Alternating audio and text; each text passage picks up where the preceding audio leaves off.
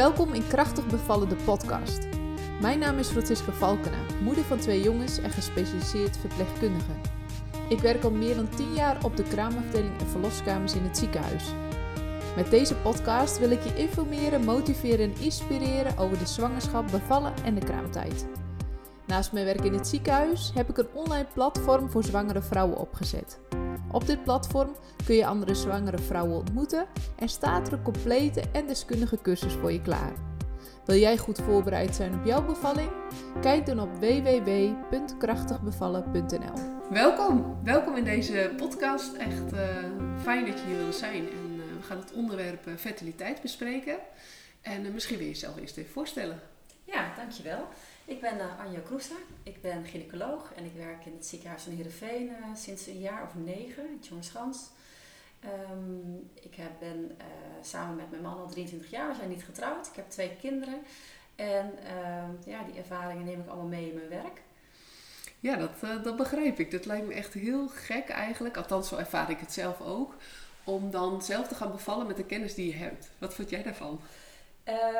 Ja, je bent natuurlijk ontzettend uh, medisch voorgelicht over alles wat kan uh, gebeuren. En toch de ervaring zelf is echt wel heel anders. Um, ik vond bevallen uh, toch wel heel anders en zwaarder dan ik van tevoren had gedacht. Maar um, ja, uiteindelijk ben ik ook gewoon een vrouw die gaat bevallen en die zich laat leiden door de begeleiding. Dus dat, dat, dat, ja. dat gaat allemaal als gynaecoloog stond je het niet in de weg of zo? Dat je zei. Nee, ik dacht wel op een gegeven moment, oh ja, het hartfilmpje van de baby is goed. Dat kon, ik weet dat ik daar echt wel bewust van was, dat ik dat hartfilmpje ook bleef uh, bekijken. Oh, het gaat nog steeds goed met de baby. Oh ja. En ik weet ook dat ik tijdens het persen dacht van, goh, hmm, misschien moet er een keer knip gezet worden. Dat had ik toch wel even gemeld oh, ja. van, mag knip als nodig is? Dus daar zo bewust was ik daarvan. Ja, uh, bij beide bevallingen trouwens.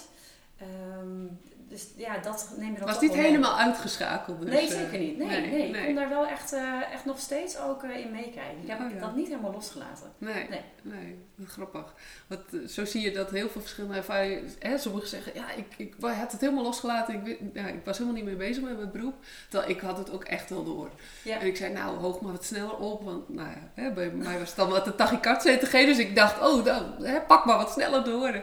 Ja, dus het grappige is dat je daar toch een bepaalde bewustzijn toch wel, uh, ja, uh, tijdens die bevallingen dan uh, toch wel mee bezig bent. Ja, zeker. Ik heb dat niet losgelaten. En ik hoop dat ik me niet te veel ermee bemoeite. Ik denk dat dat meevalt. Nee, je blijft toch ergens in je, in je, in je achterhoofd blijf je gynaecoloog. Ja. En, en ja. hou je rekening met alle scenario's die kunnen gaan gebeuren. Ja, ja. je bent niet ja, onbezonnen, zeggen ze dan wel. Hè? Je, je, je bent er niet blanco in. Nee, je gaat absoluut niet blanco erin. Nee, nee. Dat, is, dat is een voordeel en dat is ook je nadeel. Ja, ja dat kan ik me voorstellen. En uh, we hebben het vandaag over fertiliteit. Maar hoe ben je in deze tak, uh, heb je daarop gespecialiseerd? Of zeg je, nou, dat, dat ja. doen we allemaal? Of... Nou, ik, in George Gans werk je als algemeen gynaecoloog. En dat betekent dat je breed bent. Dat je zowel de zwangerenzorg doet als operaties, als uh, nou, eigenlijk alle problemen die op je pad komen. Mm -hmm. Maar daarbinnen ben je wel vaak wat uh, meer gespecialiseerd in bepaalde onderwerpen. En ik doe dan ook fertiliteit, omdat ik daar ook uh, echt wel raakvlakken mee heb. Ik vind dat leuk. En ik heb ook helemaal aan het begin van mijn carrière heb ik denk ik zes maanden als fertiliteitsarts gewerkt ook. Okay. Toen was ik nog geen gynaecoloog, het was voor mijn opleiding. Maar ik kreeg de kans om uh, een fertiliteitsarts waar te nemen voor zes maanden. Oh, ja. Dus daar heb ik ook de IVF-behandelingen gedaan en de andere behandelingen die er waren. En dat heb ik altijd wel meegenomen. Ik heb het altijd leuk gevonden. Ja. En wat, wat is het verschil daarin tussen gynaecoloog en fertiliteitsarts? Um, als gynaecoloog volg je echt na je algemene opleiding als basisarts, volg je zes, zes jaar lang de opleiding tot gynaecoloog. En daarbinnen kun je je specialiseren, bijvoorbeeld in de fertiliteit. Als je fertiliteitsarts bent, dan ben je eigenlijk basisarts die is gaan werken um, ja, in of speciaal een kliniek voor fertiliteit of binnen een ziekenhuis. Um, en heb je eigenlijk in de praktijk mee toegelegd tot dat specialisme, maar heb je niet daar een speciale opleiding voor gedaan. Oh, oké. Ja. Wat grappig. Ik, die verschil wist ik ook niet eens. Ja, hey, en uh, fertiliteit, kun je dat een beetje uitleggen? Wat, wat, uh, wat, wat, waar, waar, valt het onder? Wat is het precies? Ja, fertiliteit, dat gaat over de vruchtbaarheid. En uh, vruchtbaarheid, dat, dat heb je met z'n tweeën. Je bent natuurlijk als, als koppel, um, ben jij wel of verminderd of niet vruchtbaar. Um, en dan gaat het over kansen om zwanger te worden. Mhm. Dat is eigenlijk vruchtbaarheid. Ja, ja. Dat is een mooi woord, fertiliteit voor vruchtbaarheid eigenlijk, hè? Ja. ja. ja. En uh, als we het dan over vruchtbaarheid hebben, normaal gesproken, hè, waar als je nou ja, breed denkt en je denkt, nou, twee mensen komen bij elkaar, die zijn, uh, krijgen wel of geen kinderen. Vaak sta je als buitenstaander niet eens zo bij stil van, oh, ben ik wel of niet vruchtbaar? Hè? Je, je, nou ja, in, je, ja, ik zou zeggen, je, je hebt gemeenschap en het lukt ja of nee. Mensen komen bij jou terecht waarschijnlijk als het niet lukt. Ja. En hoeveel procent daarvan ja, zie je dan, zeg maar? Hè? Hoeveel, uh, zal ik het zo zeggen, zijn er veel mensen die per se bij jullie komen als je niet vruchtbaar bent of niet? Of als je problemen daarmee hebt? Of ga je dan eerst naar een huisarts bijvoorbeeld? Of hoe gaat zo'n traject, zeg maar? Ja. Je gaat altijd eerst naar de, naar de huisarts als het zwanger worden eh, niet lukt. En mhm. we spreken eigenlijk van moeilijk zwanger worden als je een jaar lang probeert om zwanger te worden met je partner. Uh, en het lukt niet. En mhm. daarbij gaan we er wel van uit dat je wel elke maand een menstruatie hebt. Dat is dan eigenlijk wel een voorwaarde. Anders ja, is het zwanger worden moeilijker om een andere reden. Maar als het dan na een jaar niet lukt, dan, uh, dan kan je bij de huisarts aankloppen. Die kan al wat basisonderzoeken gaan inzetten. En uh, sommige huisartsen die verwijzen gelijk door. En dan kan het dus zijn dat je bij de gynaecoloog terechtkomt. En we weten dat ongeveer 80% van de koppels uh, zwanger wordt na een jaar proberen. Dus dat betekent dat toch nog wel 20% niet zwanger wordt. Ja. En uh, daarvan zal een deel wel hulp zoeken en een deel zal dat ook nog niet doen of helemaal niet doen. Nee. Maar het komt dus best wel frequent voor. Vaker dan dat we denken. Ja, ja 80% dan, dan zou je zeggen, dat is ook een hele groep. Maar 20% vind ik ook best nog een... Uh... Ja, dat is best wel veel. Ja. En dat wil natuurlijk niet zeggen dat al die, uh, die, die 20%, al die koppels, dat die hulp nodig hebben. Want een deel daarvan zal nog steeds wel zelf zwanger kunnen worden. Mm -hmm. Dat kan zijn tijdens onderzoeken of uh, nog voordat ze überhaupt bij de gynaecoloog zijn geweest. En een deel daarvan zullen we wel gaan, gaan helpen en onderzoeken doen en eventueel een behandeling uitvoeren. Dus uiteindelijk um, ja, zien we, ik denk dat, dat we heel veel koppels zien, maar dat er in de buitenwereld nog weinig over gesproken wordt. Dus het komt vaker voor dan dat we denken. Ja, nou ja, dat is ook een van de redenen waarom we deze podcast uh, wilden opnemen. Omdat gewoon, uh, ja, nou, het is niet zo dat er weinig over bekend is. Ik bedoel, je hoeft Google maar open te slaan en je kunt er van alles over vinden. Alleen het lijkt wel of het nog een beetje in de hoek zit van we durven er niet over te praten, zeg ja, maar. Dat denk ik absoluut wel. Dat merk ik ook erg aan koppels die bij ons komen, dat ze het heel vaak nog voor zichzelf houden. Uh, of maar beperkt aan familie of vrienden vertellen, omdat ze het toch wel lastig vinden. Um, en dat, ja, dat probeer je natuurlijk wel een beetje uit de taboesfeer te halen, want het komt zoveel voor en je kunt elkaar zo helpen om er wel over te praten. Ja. Dus dat proberen we wel een beetje te stimuleren. Ja, maar iedereen moet vooral doen waar hij zichzelf prettig bij voelt. Maar ja. het kan natuurlijk heel fijn zijn om je hart te luchten als je daarmee zit. Ja, want ja, vaak... dat, snap ik ook wel. En vooral 20%, dan denk je, nou, daar zijn er best veel mensen in je omgeving die misschien daar ook of last van hebben of in het traject lopen die er misschien juist wel over willen praten, maar niet durven. Of, nou ja. Zeker, dus de kans is inderdaad groot dat er nog wel een koppel in je omgeving is, in je vriendenkring of in je familie, die er ook mee te maken heeft. Ja, ja. En denk je dan dat het vooral te maken heeft met een stukje schaamte? Denk het wel. Ik denk het wel. Ja, dat het toch wel lastig is om te zeggen van wij kunnen moeilijk zwanger worden. Ja. Of, uh, of ja, het komt door mij dat we moeilijk zwanger kunnen worden. Dat is toch wel wat je hoort. Ja, ja. Ja, want het kan natuurlijk uh, aan beide kanten liggen, hè? zowel de man als de vrouw. Er kan natuurlijk ook één zijn die uh, daar problemen mee heeft. Um, wat zijn de eerste stappen zeg maar, die je onderzoekt als je als stel bij jullie komt? Als je bij ons komt, dan wordt er eerst heel uitgebreid uh, gesproken. Ook over nou, je algemene gezondheid. Hoe gezond ben je? Gebruik je medicijnen? Ben je ooit geopereerd? hoe ga je om met gebruik van alcohol of rook je of drugsgebruik en dat soort zaken. Heb je ooit een geslachtsziekte gehad? Nou, vrij uitgebreid uh, wordt er een intake uh, gedaan, zo noemen wij dat. Mm-hmm. Bij ons in het ziekenhuis hebben we ook echt een fertiliteitsassistente. Die gaat dan eerst met je het gesprek aan. Je krijgt ook al vragenlijsten van tevoren met al die vragen en die worden dan doorgenomen. Ook voor de man natuurlijk, want die hoort er ook bij.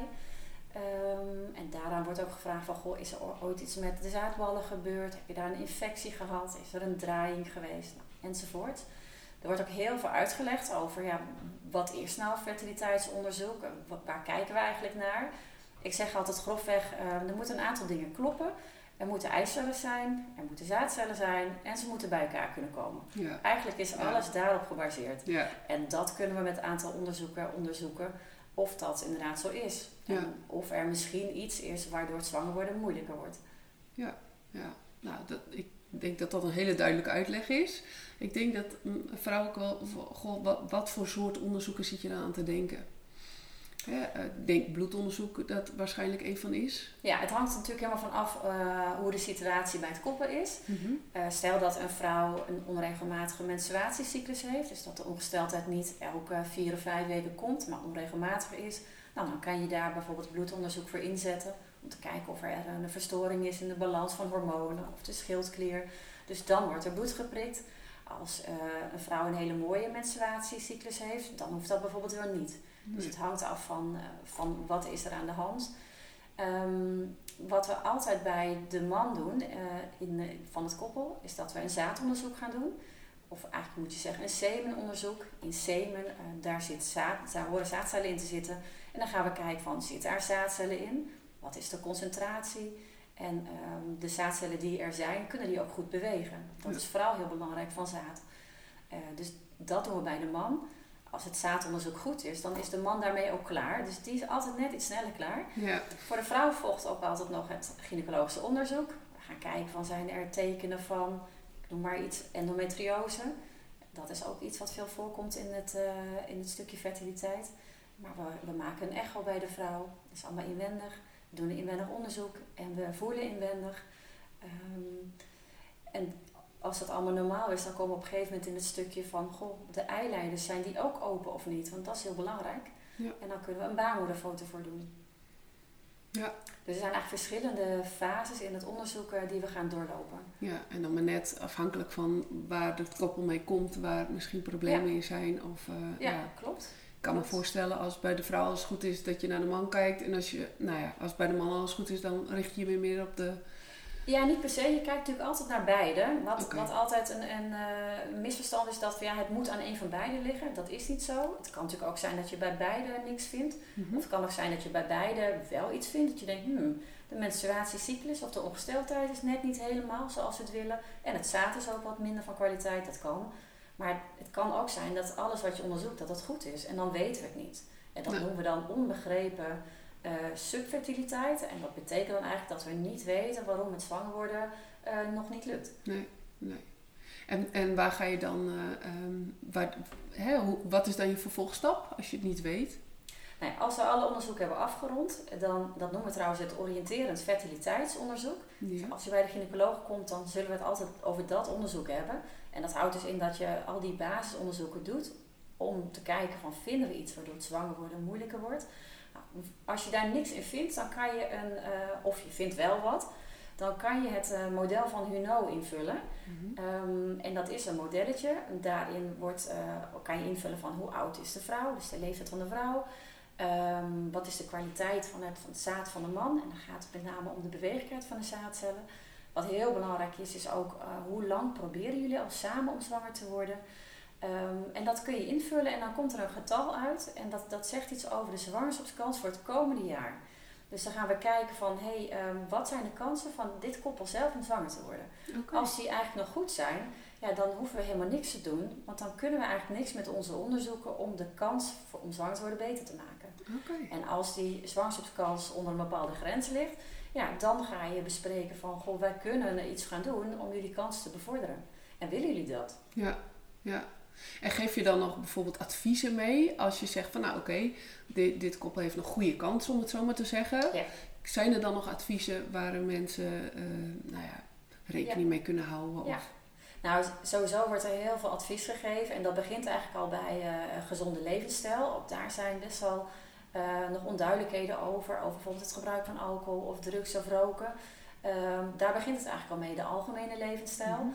En dan ook over, eh, ja, wat zijn de vruchtbare dagen? Want je kunt, eh, je kan je, ik zeg dat maar, je kan je ongeluk vrijen. Maar als je dat Ja. niet op het goede moment doet, de goede momenten, ja, dan zul je nooit zwanger worden. Dus dat is ook wel heel belangrijk dat je weet van wat zijn onze vruchtbare dagen. En hoe kunnen we daar dan het beste gebruik van maken om zwanger te worden. En dan ook eh, met het doel van ja, uh, vrijen moet ook nog een beetje leuk blijven. Ja. Als je denkt van goh, ik moet wel drie keer per dag vrijen om zwanger te worden. Ja. Nou, dan weet ik wel dat niemand dat meer leuk vindt en dat daar uiteindelijk een probleem kan ontstaan. Dus dan geef, geef het advies van nou, dit zijn ongeveer je vruchtbare dagen. En nou, ja, dan probeer je om de dag te vrijen om toch de zwangerschapskans te pakken.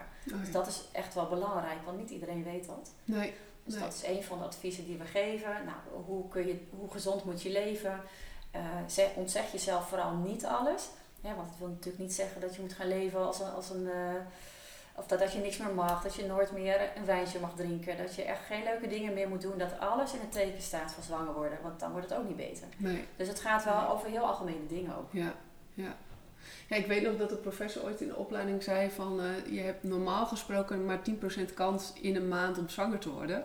En ik weet nog dat ik daar heel erg verschrok. Dat ik dacht, hè? Ja, Ook ja. gewoon bij, nou ja, in de normale wereld, eh, of wereld. Het klinkt heel gek, maar hè, gewoon als je geen problemen hebt, zeg maar, en problemen ervaart, dat dan alsnog 10% kans. Toen dacht ik, jemig, wat weinig. Maar- Ja, ja, elke maand is de kans groot dat je niet zwanger wordt en dat je wel zwanger wordt. Ja, Dat klopt. Ja. En toch lijken er soms koppels te zijn die maar naar elkaar hoeven te kijken en dan toch zwanger zijn. Ja.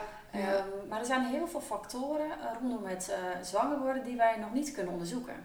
Dus we, we kunnen al best wel heel veel.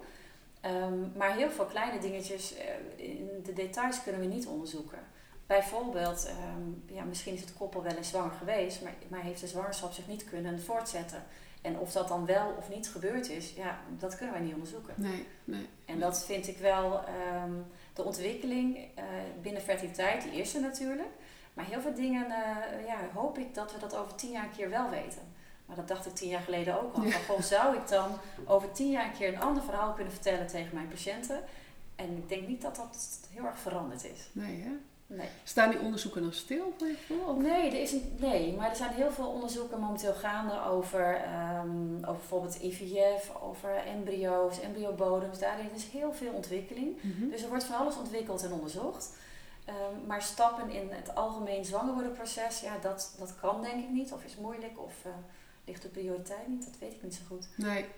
Nee, want aan de- als je het over preventie hebt, zeg maar, hè, zou je dan in feite, als je dit nu weet, hè, stel eh, eh, iemand die dit luistert wil misschien wel zwanger worden, maar ondervindt daar nu nog geen hinder van, dan zou je eigenlijk kunnen zeggen, dus als je een gezonde leeftijdsstijl, hè, gezonde leef, leefstijl, sorry, hebt en eh, je houdt een beetje rekening met je menstruatiecyclus en wanneer je vruchtbaar bent, nou, ik denk vlak voor je ijsprong, ik weet niet precies hoeveel dagen en hoeveel tijd ertussen moet zitten.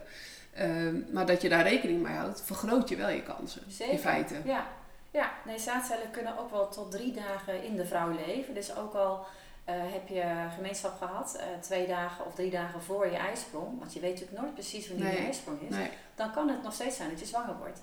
Ja, dus daarom zeggen we ook, eh, als je om de dag gemeenschap hebt, rondom eh, in je vruchtbare periode, ja, dan eh, pak je maximaal je kans. Ja. Ja. ja. En, want je weet nooit op de dag af wanneer je ijsprong is. Nee. Kijk, Nee. Een menstruatiecyclus of een ongesteldheidspatroon, eh, die is meestal rond de 4 tot 5 weken.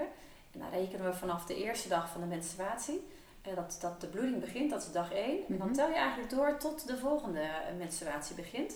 En dat is dan weer dag 1. En dan kijk je hoe lang dat duurt. En dat is de duur van de menstruatiecyclus. Eh, vrouwen denken vaak dat ze moeten tellen vanaf de menstruatie, maar dat hoeft dus niet. Je telt vanaf de eerste dag.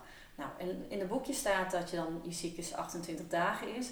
En twee weken voordat je menstruatie begint, heb je je ijsprong. Dus dat zou dan op dag 14 zijn. Ja. Maar ja, misschien was je menstruatiecyclus die, die keer wel 26 dagen. Dus dat betekent dat je eh, ijsprong wat naar achter gaat, die Ja. dan op dag 16 is. Ja. En dat weet je pas achteraf. En daarom moet je aan die periode rondom je verwachte ijsprong, dat is je vruchtbare periode. En als je die wat breder trekt, hè, bijvoorbeeld vanaf dag 9 tot en met dag eh 17, ik noem maar wat, ja, dan zit je eigenlijk altijd wel goed. Ja. En dan probeer je om de dag te vrijen, als dat lukt. Ja. ja. Nou, ik denk dat dit hele waardevolle tips zijn voor mensen die luisteren en niet per se misschien een probleem hebben, maar wel denken, nou, Ja, hoe pakken we het aan? Precies, Ja. zouden zwanger Ja. horen. Hoe kunnen we dat het beste aanpakken? Ja, dus het is ook helemaal niet erg als je denkt, ik moet vandaag vrij en het lukt niet. Nou, dan eh, komt het morgen wel. Ja, het precies. moet ook wel eh, een beetje leuk blijven. Ja, nou, dat lijkt me sowieso goed. eh, ja, zeker. En dan hebben we het ook wel, ik hoor dan ook wel veel over temperaturen. Ja. Hè, vrouwen die temperaturen en zeggen, nou, je hebt een verhoging eh, van je temperatuur op het moment dat je een ijsprong. Hoe, hoe verhoudt zich dat? Ehm, ja, de- als je gaat temperaturen, en dat raad ik eigenlijk niet aan, dus, eh, maar ik zal het wel uitleggen. Eh, want de huisartsen zeggen dat nog wel eens tegen patiënten dat ze Ja. dat kunnen doen. Ehm, in de eerste helft van je cyclus is de temperatuur ongeveer een halve graad lager. En ehm, op het moment dat je ijsprong eh, gaat komen, dan, dan gaat je temperatuur omhoog. Vanaf de ijsprong. Maar dat moet je dan wel heel consequent meten. Dus dat moet je eigenlijk elke dag op dezelfde tijd doen. Mhm. Voordat je nog maar iets hebt gedaan, dus voordat je ook nog maar uit bed bent geweest om bijvoorbeeld je ochtendplasje te doen, el- elke dag meten. En dan zou je hopelijk een, eh, een curve erin kunnen zien. En dan zie je van, hé, hey, hier is de temperatuur omhoog gegaan. Maar dan is je ijsprong dus al geweest. Dus je stelt hem achteraf vast. Dus dat maakt ook dat ik daar niet zo voor ben. Omdat je hem achteraf gaat vaststellen. En terwijl je hem eigenlijk vooraf gezien wil gaan vaststellen. Ja, ja. En ehm, dat de meeste vrouwen dat ook niet heel consequent eh, en goed meten. Dus ik raad het nooit aan om dat te doen. Je fixeert dan ook wel heel erg op het meten. En ja, ja, Ja, ook dat. Je bent er dan zo eh, elke dag, moet je daar daarmee bezig Ja. zijn. ja, Ehm, en dan heel vaak komt er toch niet een heel mooi eh, pa- patroon uit, een heel duidelijke temperatuurstijging. Nou, dan krijgen we stress natuurlijk van, oh jee, het is niet goed, ik heb geen ijsprong. Dus ik zeg altijd, eh, laat maar, stop je daar maar mee. ja. gaan we niet doen. Ja, want vooral hè, wat, wat me nu even te, te, naar boven komt, zeg maar, het psychische component zeg maar, in deze fase. Ehm, het, hè, als, stel, je hebt een jaar geprobeerd, om het zo maar te zeggen, je komt dan bij jullie terecht, Ja. dan heb je ook best wel psychische belasting in het jaar ervaren. Want ik kan me voorstellen dat als je nou, elke maand probeert zwanger te worden, dat dat ook met teleurstellingen te maken heeft. Ja. Als je heel graag wil en elke maand Ja. krijg je die teleurstelling, dat ja, Ja. best lastig is. Zeker, maar dat is wel heel erg wisselend. Wat, we, wat ik met name zie is dat vaak de vrouwen er meer moeite mee hebben dan, eh, dan mannen.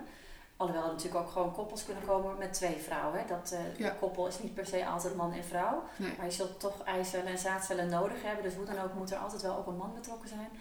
Ehm, de meeste koppels nog die we zien zijn, zijn man en vrouw. Mhm. En daarvan zie je vaak dat vrouwen er meer last van hebben. En dat, eh, dat toch meer die oerdrang hebben om zwanger te willen worden. En dat toch veel meer voelen, ook in hun lijf. En dat, dat verlangen niet per se groter is, maar dat het, dat het anders is. Ehm, maar ook mannen kunnen er wel heel veel last van hebben. En die koppels zitten natuurlijk meestal ook in een levensfase waarin eh, vrienden ook eh, in die levensfase zitten. En dat ze toch regelmatig horen van, oh, wij zijn zwanger en wij zijn zwanger en die vrienden zijn zwanger. Dus dat, je wordt er ook altijd mee geconfronteerd in je omgeving. eh, dat anderen misschien wel heel makkelijk zwanger worden. Of überhaupt zwanger zijn of bevallen. Of misschien al voor de tweede keer zwanger zijn. Terwijl jij dat elke maand probeert en Ja. het niet lukt. Nee, Ja, nee. maar dat, dat wisselt wel heel erg. Er zijn koppels die komen eigenlijk best wel heel opgewekt bij ons. Van, nou, eh, ja, we zijn aan het proberen. ehm, ja, het lukt nog niet. We gaan wat onderzoeken doen. Maar als het allemaal goed is, vinden we het ook prima. Gaan we lekker door met proberen. Maar er zijn ook echt wel koppels die er echt wel heel verdrietig van zijn. En dat heel moeilijk ehm, ja, daarmee om kunnen gaan in het leven. Dat echt wel heel teleurstellend is. Ja. En bieden jullie daar ook hulp voor? Het wordt altijd besproken eh, Mhm. het mag, dat het er ook mag zijn en dat je echt wel verdrietig mag zijn over het nog niet zwanger zijn of het moeilijk zwanger worden. Eh, dat het belangrijk is om erover te praten. En dat dat kan natuurlijk in je eigen omgeving met familie of vrienden en natuurlijk met je eigen partner. Maar als daar behoefte aan is, dat we daar ook wel hulp voor kunnen bieden. Dat kan ook via de huisarts, de POH. eh, Dat kan. Praktijk ondersteunen? Praktijk ondersteunen inderdaad. Eh, en sommige vrouwen zijn er ook al wel geweest, of mannen of koppels samen. Maar we hebben ook in het ziekenhuis maatschappelijk werk die ook best wel veel eh, vrouwen of koppels begeleiden. En ook heel goed weten waar de pijnpunten liggen en daar eh, ja, over kunnen praten.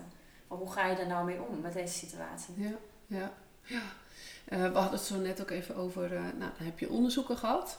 Ja, En maar wat zijn de behandelmogelijkheden ehm, als mensen niet nou ja, spontaan, hè, zo noem ik het maar even, spontaan zwanger kunnen worden? Ehm, ja, wat voor, in wat voor trajecten kunnen mensen belanden, zeg maar? ja, dat ligt er dus heel erg aan van hebben we iets gevonden waardoor het zwanger worden niet lukt? En ehm, Of hebben we niks gevonden? Dat is sowieso natuurlijk al het verschil. Ja. Kijk, als we, als, wat wij kunnen onderzoeken ehm, in dit traject en we vinden niks, ja, dan gaan we dus dat model van Huno ook invullen. En waarin ook dan wordt be- berekend van ja, wat zijn dan jullie spontane zwangerschapskans voor het jaar? Nou, liggen die eh, eigenlijk boven de 30% Dat is eigenlijk grofweg een, eh, een, een afkapwaarde. En dan zeg je nou, jullie eigen kansen zijn nog zo goed dat we, dat we nog niks kunnen betekenen. Niet dat we dat niet willen doen, maar het heeft totaal geen zin om te gaan doen. En eh, dus dat leggen we dan uit en vertellen we. Dus dat kan zijn dat dat de boodschap wordt van joh, jullie Ja. kansen zijn eigenlijk nog goed genoeg, we gaan helemaal niks doen. Jullie mogen nog een tijd proberen. Nou, afhankelijk van de leeftijd en van hoe graag mensen iets willen, kan dat afwachten variëren van 6 tot 12 maanden. Als er natuurlijk wel wat wordt gevonden, is dat een ander verhaal. Dus als je, stel we vinden dat zaadkwaliteit toch al dusdanig slecht is, dat je denkt, ja, dit koppel kan hulp gebruiken, dan, ehm, maar het zaad is nog wel eh, van bepaalde kwaliteit, dan kunnen we zeggen, we starten met een inseminatiebehandeling. Dat heet IUI, intrauterine inseminatie. Dat is daar een behandeling voor. Eh, dat kan overigens ook bij koppels waarbij je niks vindt, waarbij je niks aan de hand is, eh, voor zover we kunnen onderzoeken.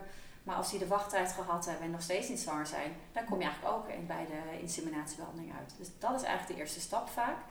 Ehm, en als je die stap voorbij bent, hè, stel je probeert dan daarmee zwanger te worden en het lukt niet, ja, dan is de volgende stap een IVF-behandeling. En als je IUI, eh, kun je een beetje uitleggen hoe zoiets eh, gaat? dat is, ja. ja. Ehm, nou, dat, dat staat dus voor intrauterine inseminatie.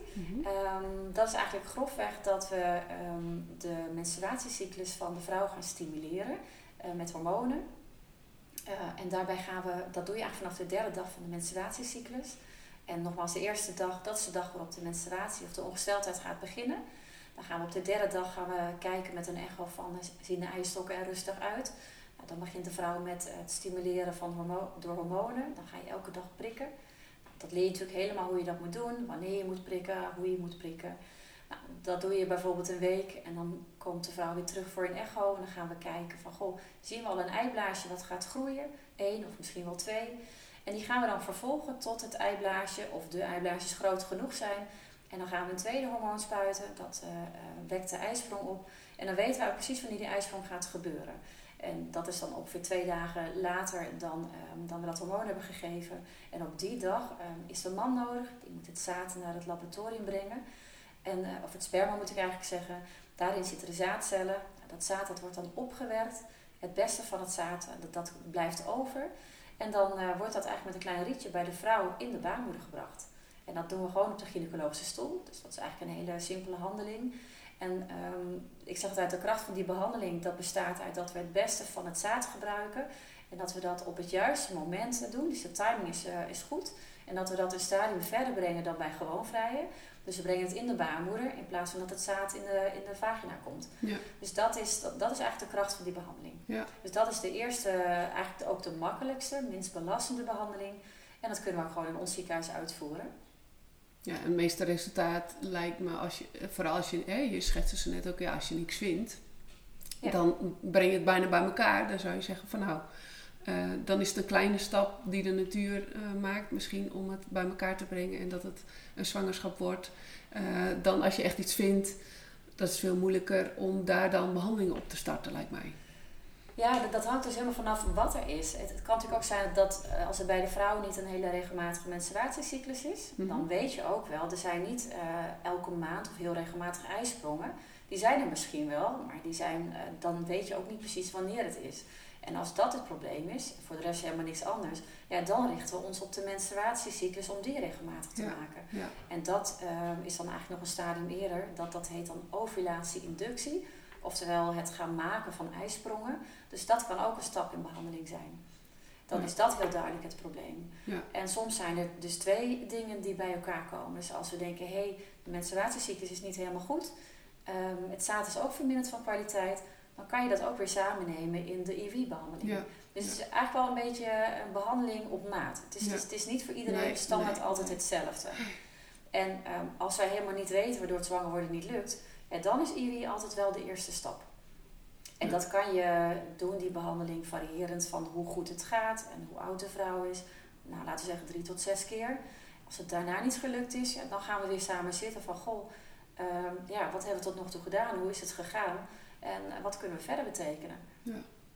En wat is dan de vervolgstap? Ja, dan zou je, als het koppel dat wil, kan je doorverwijzen voor de IVF. En dan kom je automatisch in een andere ziekenhuis of kliniek terecht. Dat is een behandeling die wij in Tjongerschans niet kunnen doen. Niet omdat dat te moeilijk zou zijn, maar dat is omdat we niet een IVF-laboratorium hebben.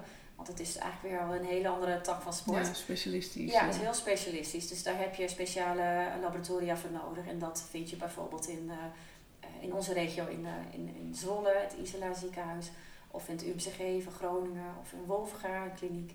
Dus dat, daar, daar zijn ook meerdere plekken, uh, behandelcentra waar de koppels dan heen kunnen. Ja, ja. En wat gebeurt er tijdens IVF? Uh, bij IVF, dat is kortweg uh, dat je ernaar streeft dat er, dat er meerdere eiblaasjes gaan rijpen, follicels noemen we dat. Um, bijvoorbeeld bij de IUI-behandeling wil je er één of maximaal twee eigenlijk hebben. En de reden daarvoor is dat we, als we een zwangerschap willen hebben, dan willen we het liefst een eenlingszwangerschap, ja. dus maar één kindje in de buik. Maximaal twee, dat vinden we medisch acceptabel. Um, maar liever één, dus, dus daar heb je maar één of twee eiblaasjes voor nodig. Als je IVF doet, dan wil je er juist meer hebben. Dus je gaat echt voor um, ook meer stimuleren met hormonen. Dus je gaat veel meer eiblaasjes uitrijpen. Nou, vlak voordat uh, die tot ijsprong komen, wordt er een IVF-punctie gedaan. Um, dus dan wordt er met een naald, een holle naald in de eiblaasjes geprikt. Dat gaat via de vagina.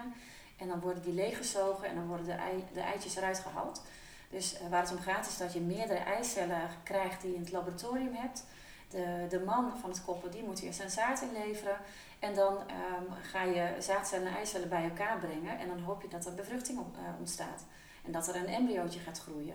En dat embryootje, als die goed van kwaliteit is, kan je dan uh, drie, na drie tot vijf dagen met een rietje terugplaatsen in de baarmoeder bij de vrouw. Ja. En dat is dan een IVF-behandeling. Ja, ja bijzonder hè, dat we dat al kunnen. Ja. Dat blijf ik elke keer toch weer ja. fascinerend vinden ja, dat, is dat we dat kunnen. Dat is het zeker. En ja. we doen het al best wel heel lang. En wat dan eigenlijk nog een stap verder is, en dat vind ik nog fascinerender, is dat je als je ICSI toevoegt, ICSI, ja, ja. dan is de IVF-behandeling eigenlijk hetzelfde voor de man en de vrouw. Maar wat je dan nog doet, is dat je um, echt een zaadcel um, selecteert, die je dus echt in de eicel injecteert.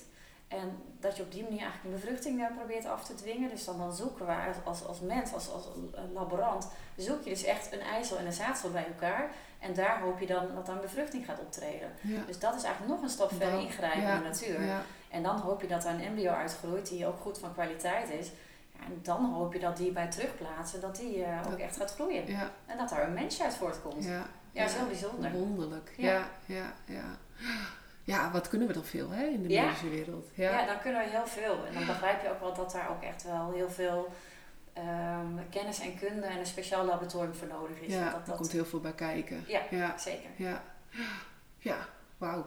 Ja, nou ja, zeg Ja, nou ja, hey, je weet het wel. En uh, ik, we hebben er ook zeker veel, uh, uh, in je opleiding krijg je er ook zeker veel van. Maar toch, als iemand het elke keer dan weer zegt, dan denk ik, ja, dat blijft ja, bijzonder dat, je dat, uh, dat we dat kunnen. En dat we zo mensen kunnen helpen om uh, daadwerkelijk kinderen te krijgen. Zeker, ja. ja. En dat vind ik altijd ook weer heel fascinerend. Is dat, de, dat het lichaam, dat de natuur dat ook zelf uh, in de meeste gevallen allemaal wel kan. Hè? Dat ja, al die stapjes van het zwanger worden en het bij elkaar komen van die zaadcellen en de eicellen en het ontstaan van een embryo en het innestelen. En dat dat dus eigenlijk heel vaak wel vanzelf goed gaat bij, ja.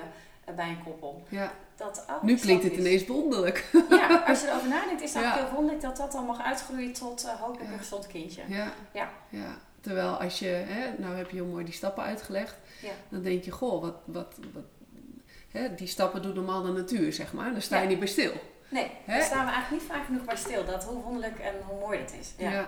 En aan de andere kant ook maar goed. Want als je over alles in het leven zorg moet maken, ook over elke stap in, eh, in het zwanger kunnen worden, ja, dan, dan word je ook niet blij. Nee, dus nee, het is absoluut. ook goed dat, je het, uh, dat ja, de meeste koppels het ook los kunnen laten en dat het gelukkig dan lukt. Um, ja, maar het lukt dus niet altijd. Nee, nee. Want er komen natuurlijk, kunnen ook koppels uitkomen die uiteindelijk waar het bij het helemaal niet slaagt. Ja, dat, ja zeker. Ja. ja. Um, ik moet zeggen dat wij in ons ziekenhuis het eindstadium dan vaak niet bereiken omdat als het bij ons het zwanger worden niet gelukt is, dan, dan kunnen we vaak nog doorsturen voor IVF-behandeling. Mm -hmm. Als koppels dat willen. Want nogmaals, niet alles wat kan, wil ook iedereen. En dat nee. hoeft ook helemaal niet. Je bepaalt je eigen grens daarin. Dus als uh, de meeste koppels willen toch wel door voor IVF. En als het dan daar niet lukt, hè, ja, dan zit je natuurlijk wel aan je, aan je eindstadium. En dan, dan is het, uh, ja, hoe ga je daarmee om? En accepteer je, kan je het een plekje geven dat dit het eindstadium is? Ja. Of zijn natuurlijk ook wel koppels die denken, ja, in, in Nederland zijn we uitbehandeld, zoals het dan heet. Ja. Uh, maar in het buitenland zijn er soms nog wel opties. Ja. En ja, dan, dan begint er soms weer een hele nieuwe fase voor sommige koppels om toch daarin door te gaan van, is er nog mogelijkheid voor ons om toch verder te gaan? Ja. Ja, en, en dat vind ik altijd wel wonderlijk, hè? want wij krijgen natuurlijk ook in ons ziekenhuis dan koppels die uh, in het buitenland dan toch nog zwanger zijn geworden. Ja. Hoe kan het dat, ja, waarom zit daar zo'n groot verschil in? Waarom stoppen we in Nederland op een bepaald uh, stadium en is het buitenland bijvoorbeeld daar verder in? Ja, dat heeft ook met uh, bepaalde grenzen te maken. Wij hebben in Nederland ook leeftijdsgrenzen die toch best wel heel duidelijk zijn. Dat betekent ook dat een fertiliteitsbehandeling tot en met 42 jaar, dus tot 43 jaar, wordt vergoed door de ziektekostenverzekeraar. Dus daar is ook een beperking in, in geld. Hè. Kijk, als je 43 bent en je wil nog een vruchtbaarheidsbehandeling, ja, in Nederland wordt dat niet vergoed. Nee, uh, dus dat, ja, en het, ze zijn duur de behandelingen, dus dat kan natuurlijk niet iedereen betalen. En dat kan dus ook een grens zijn. En de leeftijdsgrens is er natuurlijk niet alleen vanwege het geld, maar die is er ook omdat we weten dat het veel minder zinvol is om die behandelingen te gaan uitvoeren. En wij als dokter hebben wel een eet afgelegd. Ja, je moet, je moet zinnige dingen doen. Hè? Je moet geen Mhm. onzinnige zorg leveren. Uh, je moet zinnige dingen doen. Je moet, je moet goed doen voor patiënten. Ja. Dus je moet Ja. niet maar door blijven behandelen en doorgaan en doorgaan. Terwijl je eigenlijk weet dat dat niet zinvol is. En uh, niet alles is zonder risico's. Dus daar ligt gewoon een grens en uh, wanneer het nog zinnig is om te gaan behandelen. En dan, dan is een leeftijdsgrens een beperkende factor. Dus dat is duidelijk. En dan is Mhm. het ene uh, ziekenhuis is soms net wat strenger dan het andere ziekenhuis. Over het algemeen liggen wij wel in één lijn in Nederland. Um, dus dat is een grens. Een andere grens is ook wat we tegenwoordig steeds vaker zien, um, de, ja, overgewicht. Dus bepaalde BMI-klassen zullen we in Nederland toch niet gaan behandelen, omdat dat ook minder zinvol is en veel meer risicovol. Dus we hebben ook wel een soort van BMI-grens bij 35 liggen, waarop we denken, van, nou, daarboven gaan we het toch niet behandelen. Gaan we niet starten. En waarom is dat dan? Um, nou, als je BMI boven de 35 ligt, dan, uh, dan is de kans op zwanger worden sowieso moeilijker hè, van jezelf. Maar ook vruchtbaarheidsbehandelingen zijn veel minder succesvol. Uh, bovendien is zwanger worden met een hoge BMI ook veel risicovoller.